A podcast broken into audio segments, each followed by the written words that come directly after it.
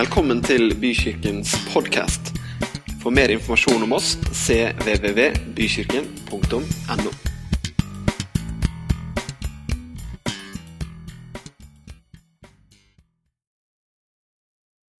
Av disse så hadde alle vært aktive i barne- og ungdomsarbeid. Mange hadde også eh, Stor overvekt av dem var vokst opp i troende hjem, kristne hjem. Likevel så valgte 59% av disse valgte menighets kirkefellesskap bort i begynnelsen av 20-årene. Hva som skjedde med troen deres, det vet man ikke, eh, men man kan tenke seg det skjer ofte noe med troen når man forsvinner fra fellesskapet, uten at det er helt konkluderende.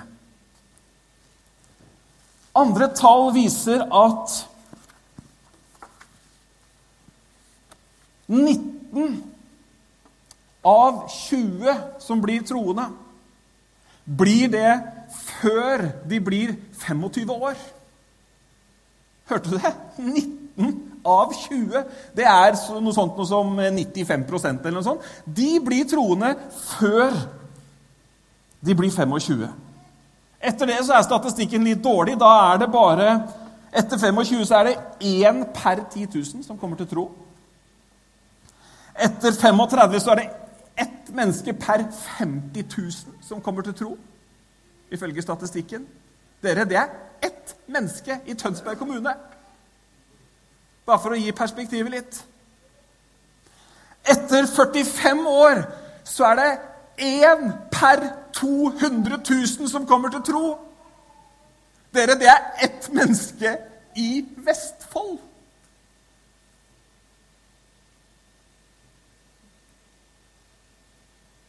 Dette sier i hvert fall to ting. Vi skal ikke gå sånn inn i de dype analysene. Men for det første så sier det meg veldig at vi må gjøre noe med kirken vår og menighetslivet for de som er 25 og opp.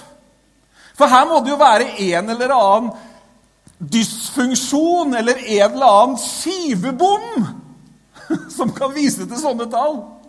Er du med? Altså, det er jo altså Hadde vi vært over i salgsverden nå, så hadde det, altså, alle ting hadde blitt kasta opp i lufta for å prøve å bli satt sammen på en eller annen måte for å gjøre noe med sånne tall. Ikke sant? Det sier det. Det andre, det andre, dette sier meg, er jo at vi må sette inn alt vi kan før 25. Hallo! Da er nemlig svarprosenten i, i, med positivt fortegn 95% Ja. Dette har ingenting med eggejakta å gjøre. Jeg skal bare vise dere noe. Vi er i ferd med å ta i bruk en trosopplæringsplan i Bykirken. Jesus hele livet heter den.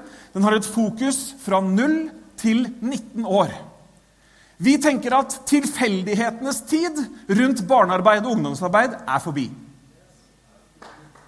Ok? Tilfeldighetenes tid for om det ble barnearbeid eller ikke barnearbeid, eller om vi hadde en gruppe eller om vi hadde et tilbud. Det må vi bare snart bestemme oss for at den tiden er helt forbi. Derfor så har vi en plan som går fra 0 til 19.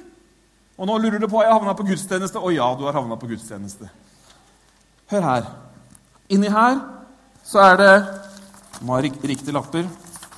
Så er det 832 egg. Har ikke noe med egg å gjøre. Dette er antall uker som er igjen før en treåring fyller 19 år. Det er 832 søndager med søndagsskole. Det er 832 uker med andre sosiale møtepunkt hvor man kan bygge relasjoner som blir viktige for å bevare tro og leve et langt liv helt til Jesus kommer igjen og blir med inn i evigheten. Ok? 832. Vet dere hvor mye tid som har gått her? Det har gått ti år. Hos 13-åringen så er det nå 312 uker igjen til man er 19 år, ut fra denne tanken, på en måte, man har liksom ikke flere muligheter. Man har flere muligheter, men dere hørte statistikken. Det er nesten så Lotto har bedre sjanse. Det har ikke da, men allikevel. Tida går fort, dere. Se på alle de der som var hos treåringen. Og Hvor ofte tenker vi ikke at vi har jo all verdens tid, vi har jo all verdens muligheter? Nei, vi må bruke hver uke, vi må bruke de anledningene vi har til å gi de gode nyhetene til generasjonen. Amen. Her er det bare 156 uker igjen. 16 år. Det er tre år igjen til man er så voksen, så på vei i en eller annen retning at sannsynligheten for at man velger noe annet etter 19, jf. statistikken jeg kom med, er forsvinnende liten. Det blir ganske tydelig. Oi. Derfor så har vi tenkt. Derfor så er vi i gang. Derfor så gjør vi noe. Derfor så tenker vi at Bykirken Vi ser en kirke som er full av barn, unge og voksne som hjelper hverandre. Hørte du det? Som hjelper hverandre, som støtter hverandre, som heier på hverandre. I vår kirke så er alle generasjoner disipler. Alle! Du også! Du som kjenner at du er litt sånn utlært.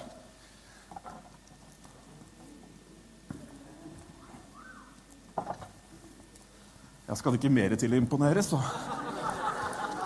Så kan vi ta et par andre òg. Dere, la oss lese et vers som er vårt hovedvers i dag. Det finner du i første Korinterbrev, kapittel 4. Du får det også på veggen.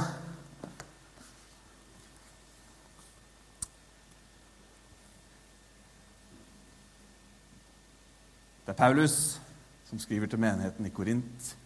Og han sier, 'Jeg skriver ikke dette for å gjøre dere skamfulle', men for å vise dere til rette som mine elskede barn.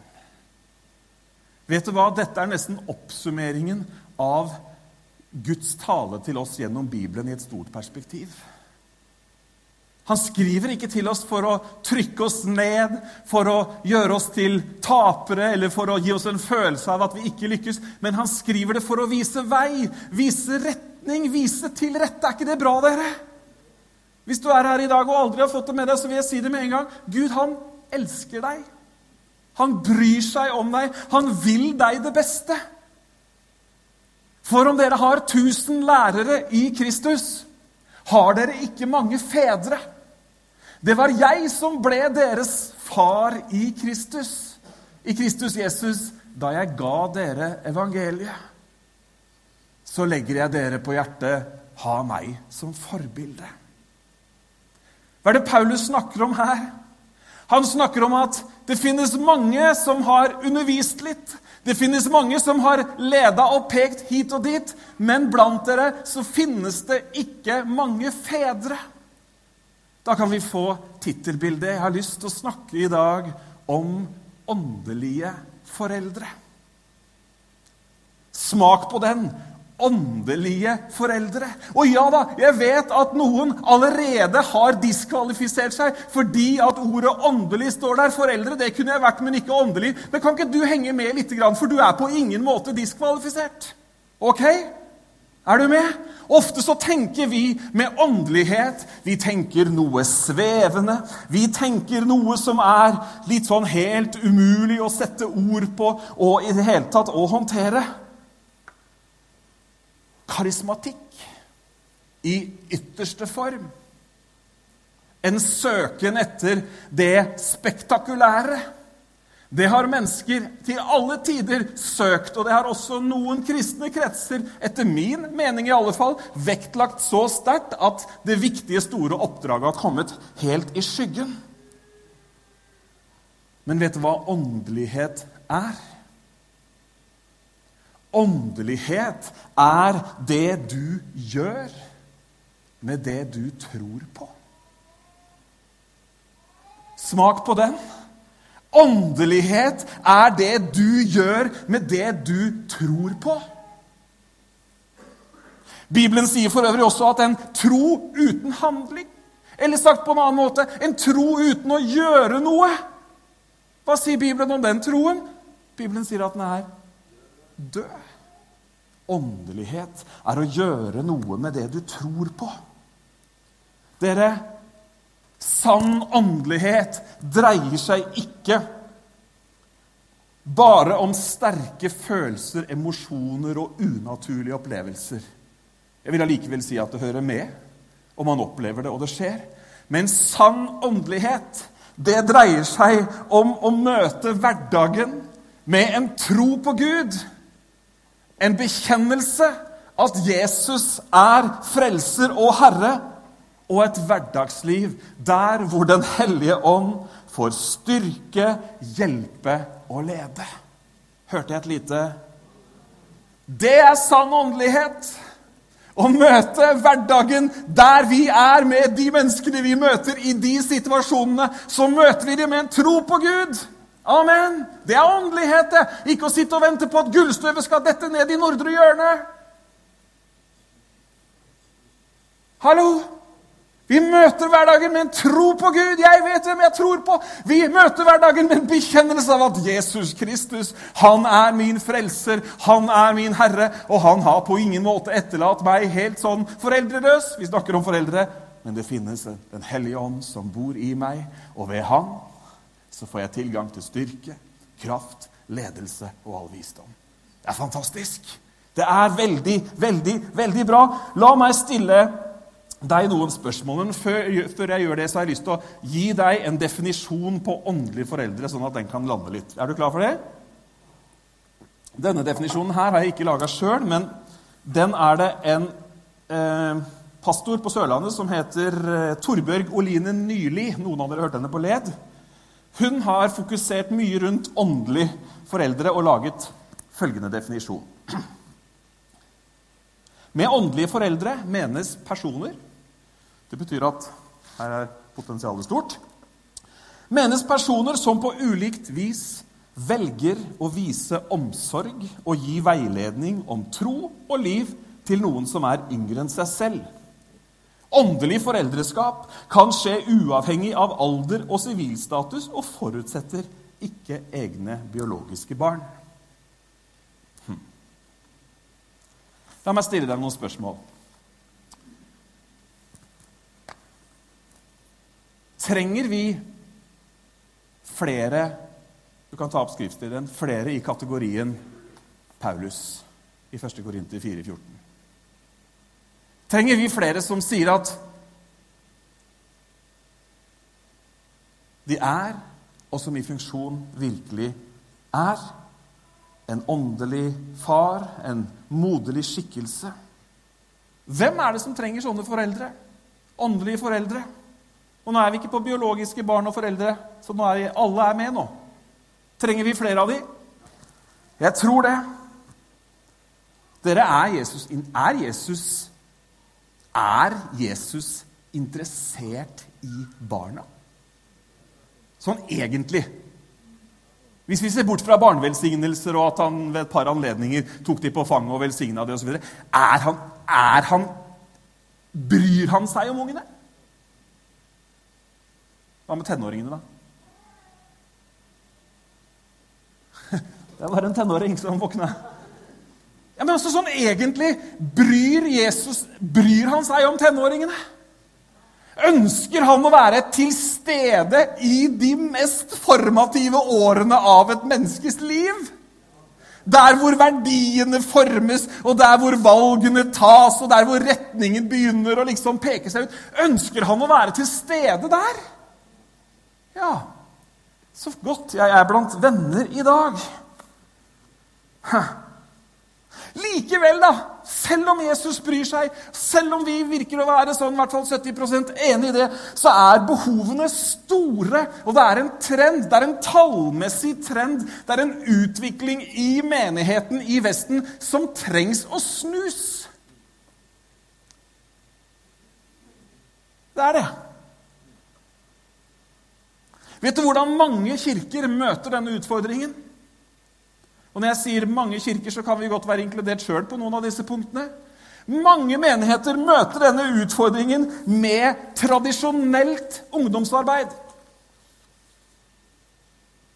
Man finner en uh, ung leder som er unnskyld uttrykket, men dum nok til å ta imot tittelen og ansvaret. Så er eldsterådet og ledelsen de er kjempeglade. De huker av. 'Nå har vi ungdomsarbeid, dere.' Det, er, det foregår på torsdag Nei, det var fredag. Nei, det, det, det er fredag, ja. ja. Ikke sant? Bare illustrerer litt den avstanden man kan ha til ungdomsarbeid.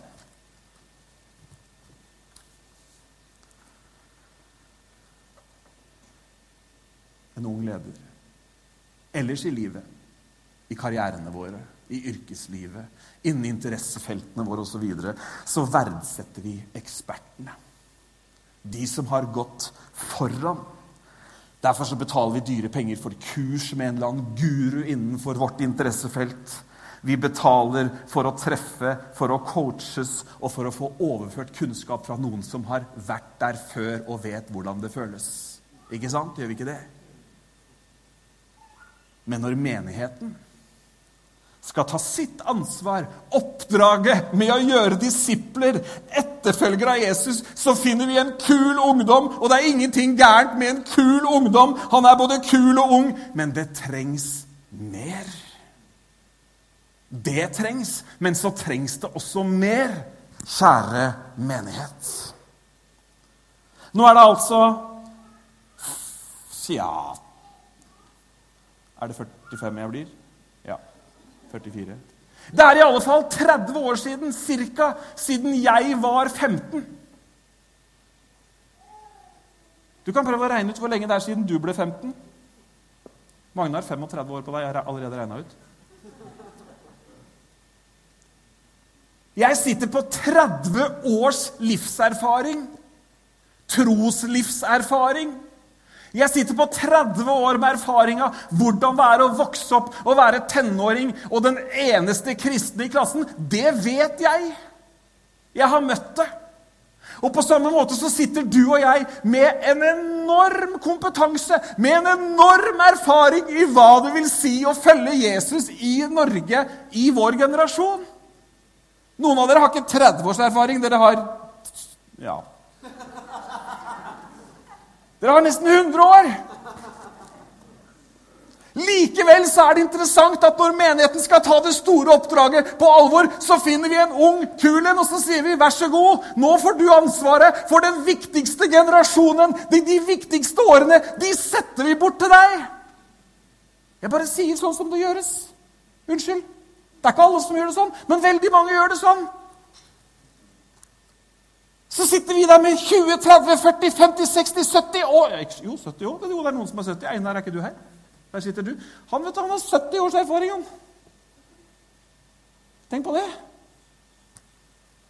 Likevel så diskvalifiserer vi oss sjøl som formidlere av tro og liv til den viktigste generasjonen. Hallo! Jeg er ikke kul nok, jeg.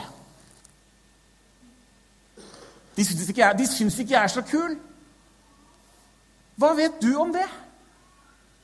Kanskje ikke det er én kul person til de trenger. De har hele, hele smarttelefonen full av bilder av kule personer og kule ting og kule, kule, kule. Kanskje de vil ha noe som er sant, ekte, gjennomlevd. Er du med på tanken? Her sitter du og jeg og kjære min tid, vi har jo i snitt vært på 3000 gudstjenester, 60 leire, 100 konferanser, DTS, og noen har opptil tre bibelskoler på nakken. Nei, jeg kan ikke det. Jeg tror ikke det er min tid. Det er din tid. På en eller annen måte å være en åndelig far eller mor. Det er din tid. Du kan være uenig, du kan si at nå er du altfor tydelig, du kan si at dette hører ikke hjemme på søndagsmøtet. Jeg sier allikevel det er din tid nå. Hvorfor skal vi diskvalifisere de som er kvalifisert, ja, til og med overkvalifisert? De er ikke bare overkvalifisert på papiret, men de er overkvalifisert av hva da? Av realkompetanse. Én ting hadde vært hvis du bare hadde sånn teoretisk kompetanse. Da er det ikke alltid så interessant, Men real, realkompetanse det er veldig interessant. Og de som ikke diskvalifiserer seg, vet du hva de gjør? De pensjonerer seg. Nei, jeg mener unnskyld, de førtidspensjonerer seg. Menigheten i Norge, frikirkeligheten i Norge Jeg kan ikke snakke om de andre, de kjenner jeg ikke så mye til, men det er sikkert ikke noe bedre der. De førtidspensjonerer seg i hopetall når det er et rop etter åndelige foreldre. Situasjonen har ikke endra seg nevneverdig siden Paulus sa det er ikke mange fedre. Han hadde sagt det samme i dag. Det er ikke mange fedre her. Det er mange som har en mening. Det er mange som kan ta litt ansvar. Det er noen som... Men hvor er fedrene? De personene som i henhold til definisjonen velger å ta sin tid for å gi, investere, hjelpe noen som er yngre, som ikke har kommet så langt. Har du pensjonert deg? Skal generasjonen nå, ungdomsgenerasjonen nå, 13-19-åringene nå, som akkurat i dag og til uka har spørsmål, lurer på tro, kjemper med tvil, møter motstand fra venner fordi de vil følge Jesus, tenåringer som mangler troende foreldre, eller kanskje som har troende foreldre som ikke sier noe om troen sin eller lever troen sin? Skal denne generasjonen dere, av 13- til 19-åringer som lever i en jungel av såkalte sannheter, et virvar av informasjon og trender som viser vei i alle mulige retninger, skal denne generasjonen aldri etablere en tro på Han som aldri svikter, skal de ende opp som gudløse uten håp og uten evighet.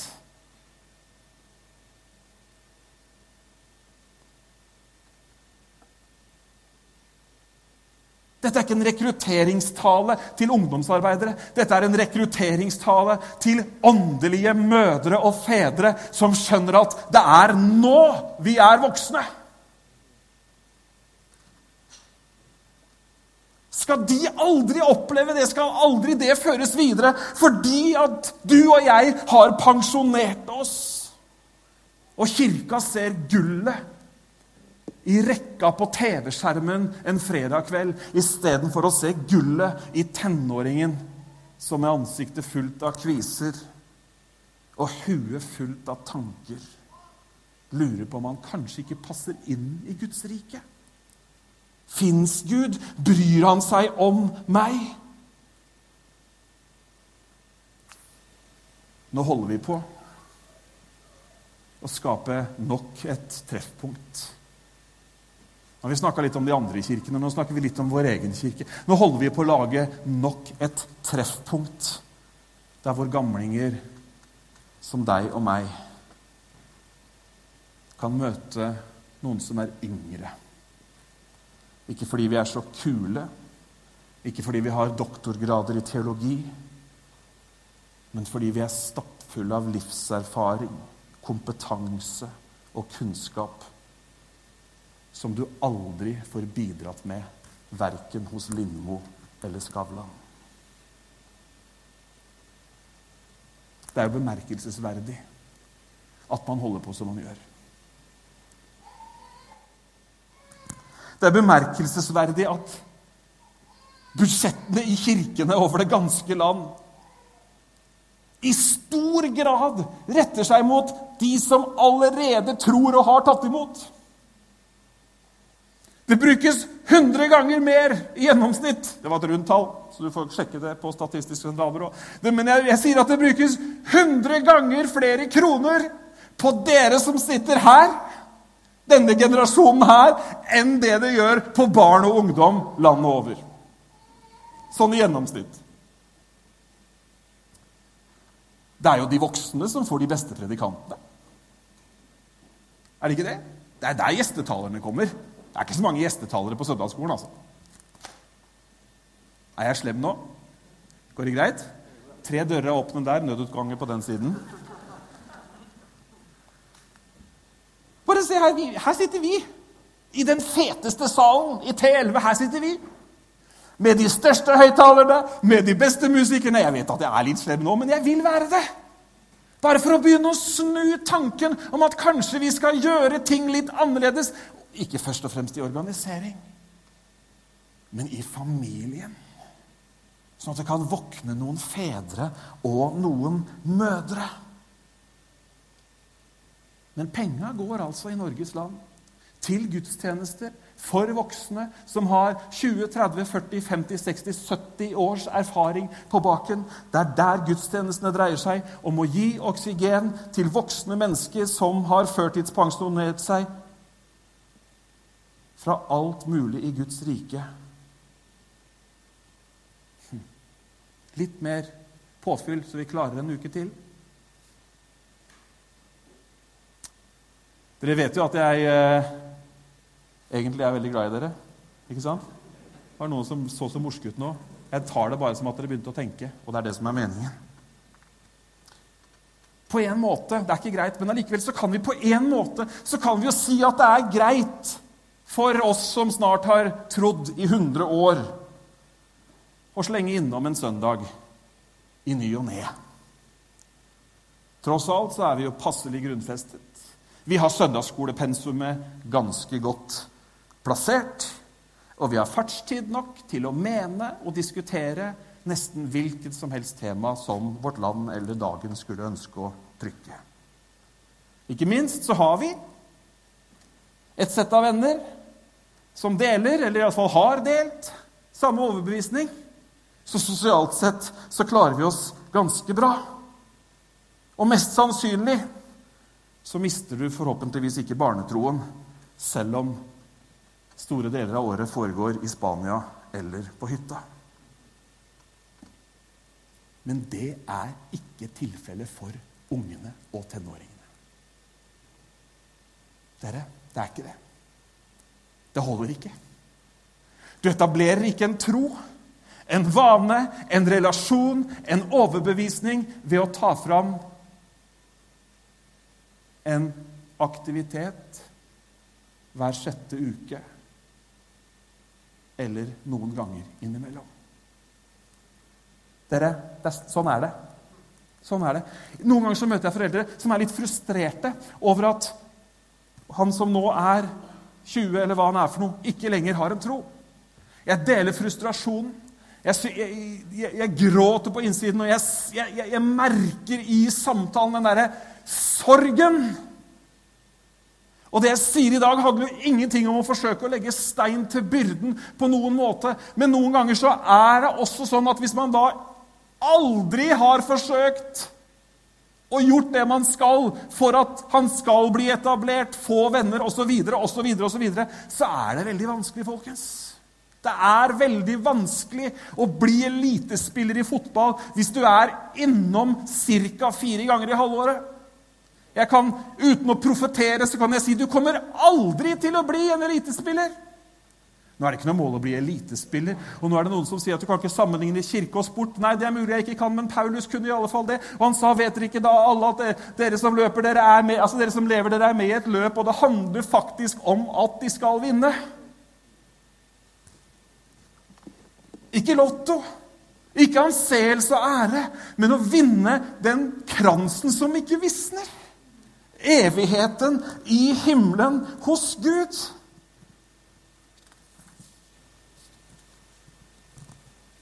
Det holder ikke med en gang i ny og ne, for de har ikke landa ennå. De har ikke etablert en overbevisning. De er i de mest formbare årene. Identiteten har liksom ikke slått rot og fått et fundament.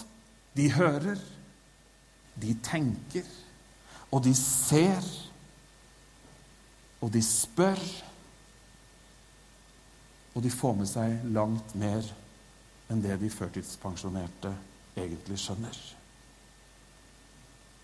Det funker ikke for dem med en oppfriskningsgudstjeneste hver sjette uke som gir oksygen til barnetroen og vedlikeholder gamle vennskap. Nei, det må mer til. Skal troen få feste. Skal overbevisningene fylle hjertet?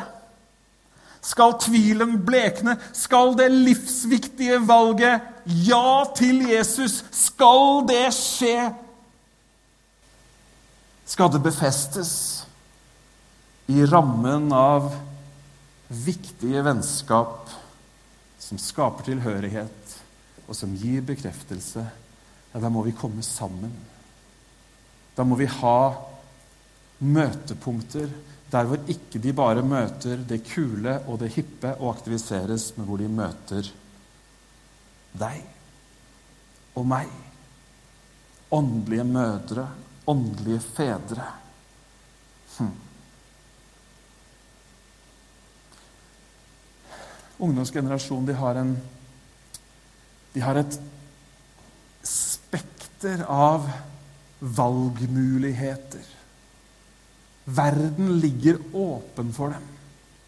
Jeg sier noen ganger når jeg snakker med tenåringer som står i sånn eh, situasjon hvor de skal velge karriere og skole og det ene og det andre, så hender jeg må være så ærlig at jeg sier vet du hva, jeg er glad for at ikke jeg er deg nå. Du har jo Altså Verden ligger jo for dine føtter. Og det er så lett at når verden ligger for føttene, når valgmulighetene er, er så mange, for at det er valgmulighetene og det som ligger der framme, som på en måte gir, tar all styring. At ikke det finnes et fundament som gjør at jeg velger det fordi det er her jeg står.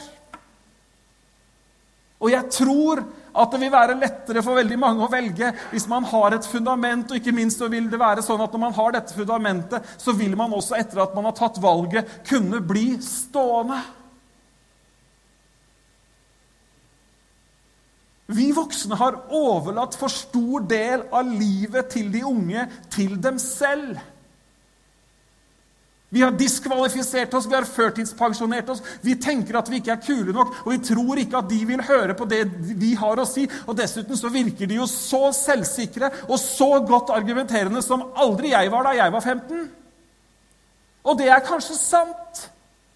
Helt der ute. Fordi at de er vant til at det er et selvbilde som skal vedlikeholdes, forfines og presenteres i alle kanaler til enhver tid for å fremstå som sterkest og best mulig. Er det ikke sant, det jeg sier? Det, det, slites mer enn noe gang blant unge mennesker. Og, og De har alt, og alt er egentlig mulig, men det er bare at det er én ting de ikke har, og det ropet tror jeg virkelig går ut fra dem når du virkelig snakker med dem, og det er hvor finnes de voksne menneskene som ikke bare kan organisere meg, men som kan se meg, som kan være en åndelig mor og far, også for de som ikke har en mor og far som er åndelig? Åndelighet å gjøre noe med det man tror på. Sann åndelighet. Å møte hverdagen med en tro på Gud, en bekjennelse av Jesus som frelser og Herre, og et liv sammen med Den hellige ånd, hvor man får styrke og ledelse. Åndelighet. Kanskje du tenker at dette hører hjemme på et foreldremøte. Ja, da får vi si at vi har et foreldremøte nå, da.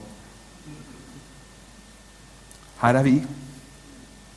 Foreldregenerasjonen i dette åndelige hjemmet har kommet sammen, og vi snakker om felles anliggender for de som kommer etter oss. Men også her, nå, sitter det noen som skulle ønske at de hadde en åndelig mor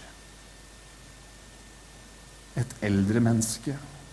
Noen som var litt eldre, som hadde tid, som man kunne speile seg i, som du visste at ba for deg, som du visste at brydde seg om deg. Dere har mange lærere, men det er få fedre.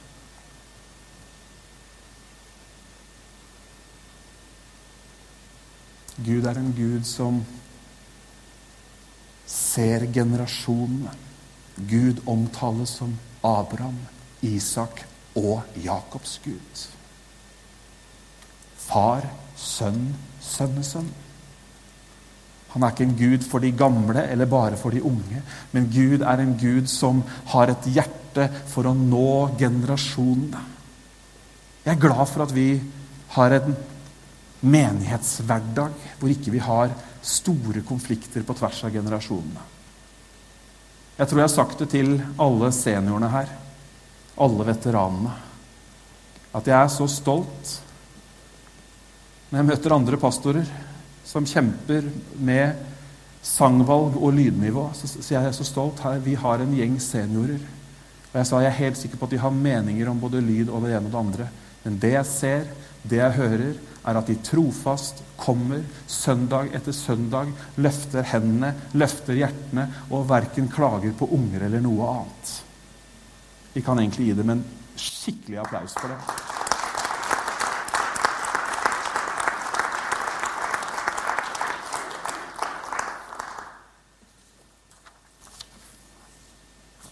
På mandag, nei, unnskyld, på torsdag så satt ungdommen og jobba i grupper. Vi skulle være litt kreative og komme med forslag innenfor aktiviteter, sang, innhold, temaer i det hele tatt, hvordan ungdomsarbeidet skulle være. Og til slutt så fikk alle en lapp. Og så spurte jeg Eller så ba jeg dem å skrive to ting. Navnet sitt og det de hadde lyst til å gjøre. Og vet du hva? Vi har folk som gjerne vil være med å gjøre tjeneste som lovsanger. Vi har unge tenåringer som har lyst til å være med å lede samlinger. Som vil være med å be, som vil være med å vise omsorg. Som vil lede aktiviteter, som vil så, altså, dette var helt fantastisk. Og så er jeg så glad for at vi allerede har fått noen åndelige, mødre, åndelige, åndelige fedre og mødre på plass som skal være med i dette her. Og det skal jeg si litt mer om seinere. Men det trengs noen rundt. Hverdagen vår som voksne er at det er så mange ting som tar fokuset vårt. Eller som vil ha fokuset vårt. ikke sant? Vi står i et arbeidsforhold. Vi, i, vi har ulike interesser, vi har sosiale medier, vi, vi skal trene, vi skal på ferie vi skal, vi skal veldig mange ting. Og ingen av disse tingene jeg sa, ingen av disse tingene er i seg selv galt. Jeg vil allikevel våge å stille spørsmål dersom det er slik at alle de tingene som drar fokuset vårt bort, frarøver generasjonen etter oss åndelige mødre og fedre. Da må vi ta runden med oss sjøl en gang til.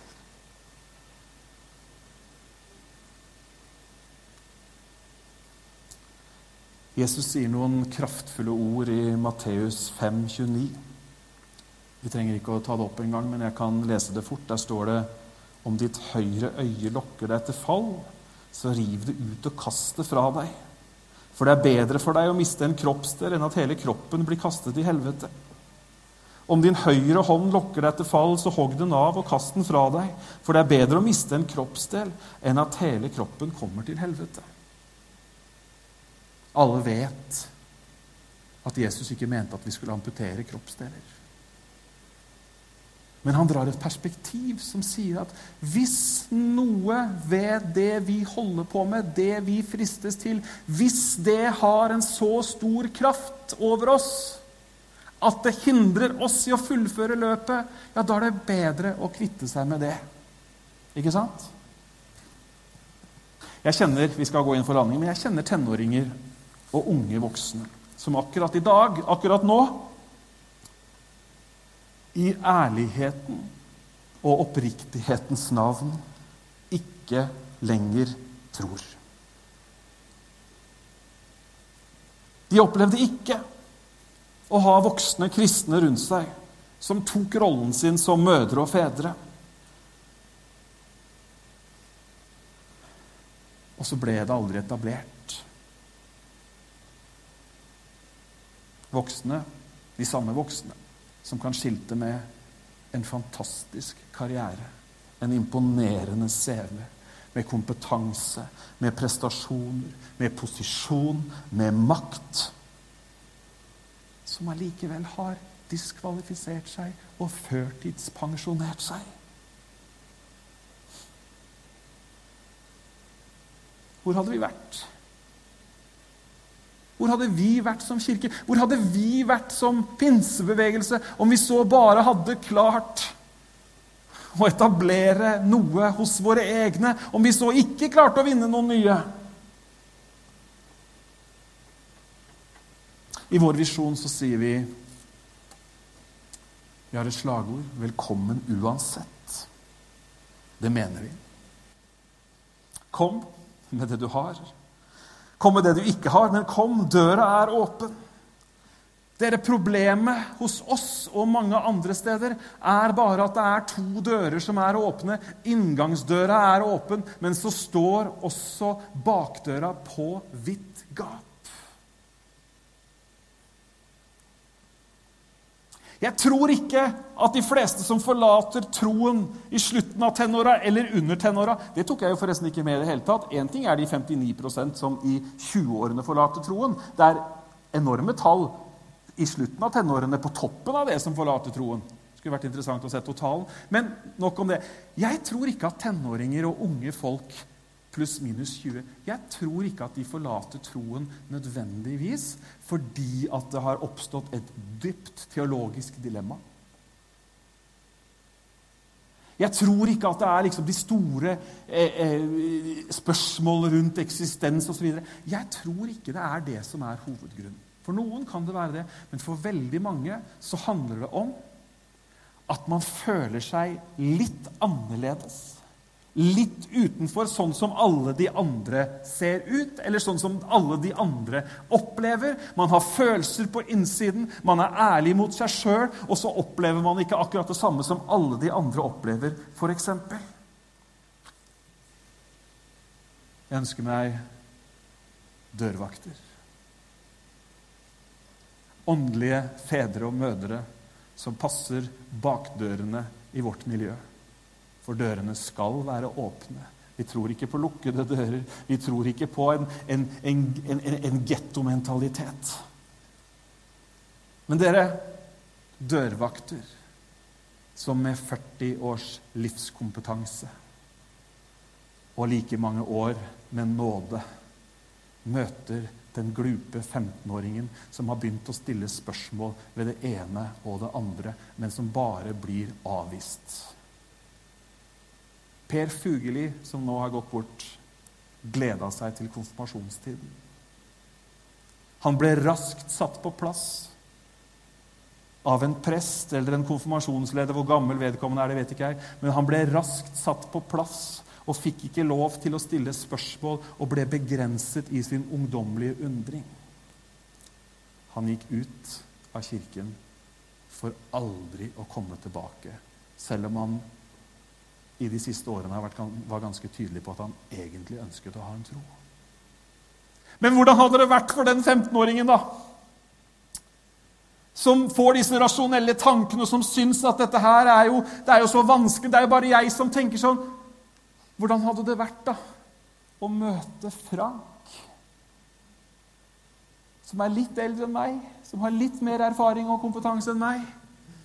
Men tenk dere Hvordan hadde det vært da for, for tenåringsjenta som har kommet på kant med skolen, hun er på kant med hjemmet. Alt er egentlig bare helt sånn bulder og brak, og hvordan skal jeg egentlig, egentlig liksom leve dette livet og det ene og det andre?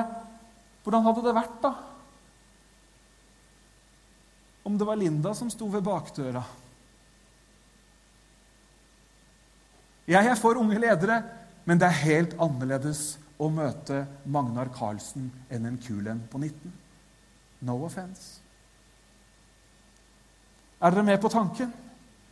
Hvordan hadde det vært da hvis du mangla en farsfigur i livet? Du sleit egentlig liksom med hvordan er det egentlig dette her Gud er en god far osv. Hvordan har dette sammen?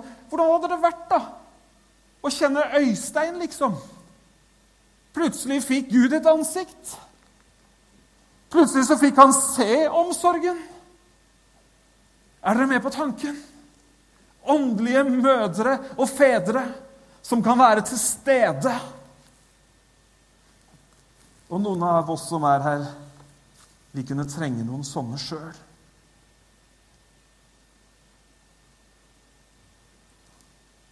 Eller han som slutta på ungdomsmøtene. Fordi at han fikk ikke alle de åndelige opplevelsene som de andre hadde fått. Jeg var en sånn. Jeg opplevde ikke det samme jeg som mange andre på ungdomsmøter. Når noen syntes det var fantastisk, eller noen kunne ha levende beskrivelser av Guds kraft på den ene eller andre måten, så sorry. Det er ikke sånn for meg. Jeg husker at jeg som 13-åring snakka med en åndelig far, og vet du hva jeg spurte om? Er det sånn, sa jeg, at det er, at det er noen det, det, er vel sånn, sa jeg, var et ledende, det er vel sånn eh, ledende spørsmål, det er vel sånn at det er noen som ikke kan bli troende? Som ikke kan bli frelst, som ikke kan være kristne? Det spurte jeg om. Jeg, jeg følte ingenting. Jeg hadde vært der hele livet. Før livet, jeg håper å si. Før, ja. Jeg starta jo å gå på gudstjeneste lenge før jeg så dagens lys. Men så var det en åndelig far, da. Som uten fordømmelse, uten ungdommelige, flakkende øyne, uten usikkerhet, uten noe som helst fiksfakseri. Han var ikke kul, han hadde ingenting, men vet du hva han sa? Nei, sånn er det ikke. Og tror du skuldrene senka seg, eller? Skuldrene senka seg såpass at ikke mange ukene etterpå så opplevde jeg å bli fylt med Den hellige ånd og tale med tunger, og plutselig så hadde jeg en opplevelse som ingen andre kunne ta fra meg. Men jeg tror at den åndelige faren som møtte meg, ikke med et prestasjonspress 'Be litt mer, søk litt mer, du må bare gjøre sånn', men Nei, sånn er det ikke. Jeg husker til og med han sa hvis man ikke skal være en troende lenger, så må man bestemme seg for aktivt å si at jeg, 'dette vil jeg ikke'. Det er ikke sånn at Gud bare forsvinner. Fantastisk. Kan du tenke deg hva ungdommene har gått glipp av fordi du og jeg ikke har vært til stede i livet deres? Jeg har lyst til å be deg om å revurdere dine egne kvalifikasjoner. Jeg har lyst til å be deg om å revurdere pensjonsavtalen som du har gjort med din ektefelle og vennegjengen for Guds rike og de kommende generasjoners skyld. Jeg vil også si til deg som hører du er ønsket. Du er tiltrengt. Du er etterlyst, faktisk, av barn, av unge, av unge voksne, av folk i middelalderen som lengter etter å bli sett, bli hørt, bli elska. De lengter ikke etter noe kult eller hipt, men de ønsker noe som er trygt. Og vet du hva? Du har noe å komme med. Du har en tjeneste. Du har en hensikt. Det er noe du er ment til.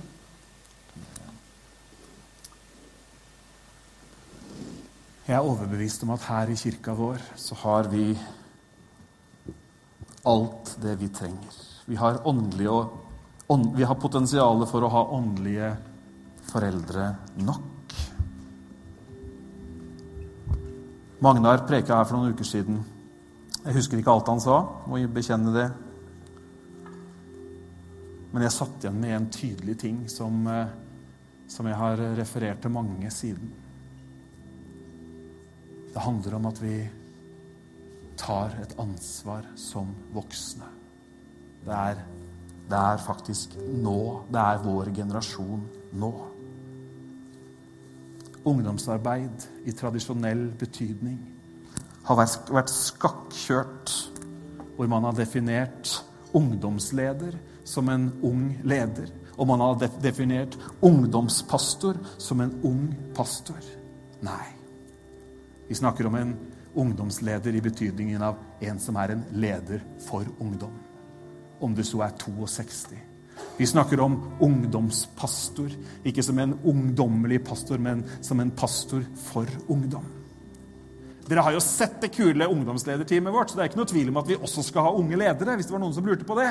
Hvis det var noen som tenkte at nå skal veteranene drive ungdomsarbeid, og det er det de som skal stå for aktivitetene. Det kunne blitt litt kjipt, faktisk. Unnskyld. Det er ikke det det er snakk om. Jeg tror dere skjønner hva jeg sier. La oss reise oss opp og be sammen.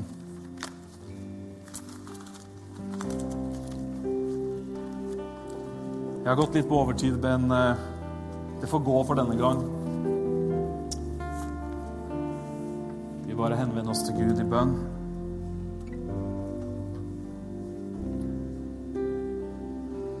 Herre, takk for at du åpner øynene våre. Takk for at ditt ord bringer klarhet. Takk for at din ånd gir styrke og mot til å følge det kallet, den oppgaven som du gir. Og takk for at din trofasthet, den er der hele tiden. Den bærer oss. Og Herre, jeg ber Jeg ber for vår kirke nå, Herre. Jeg ber om nåde. Jeg ber om handling. Jeg ber om mot til å ta ditt ord på alvor.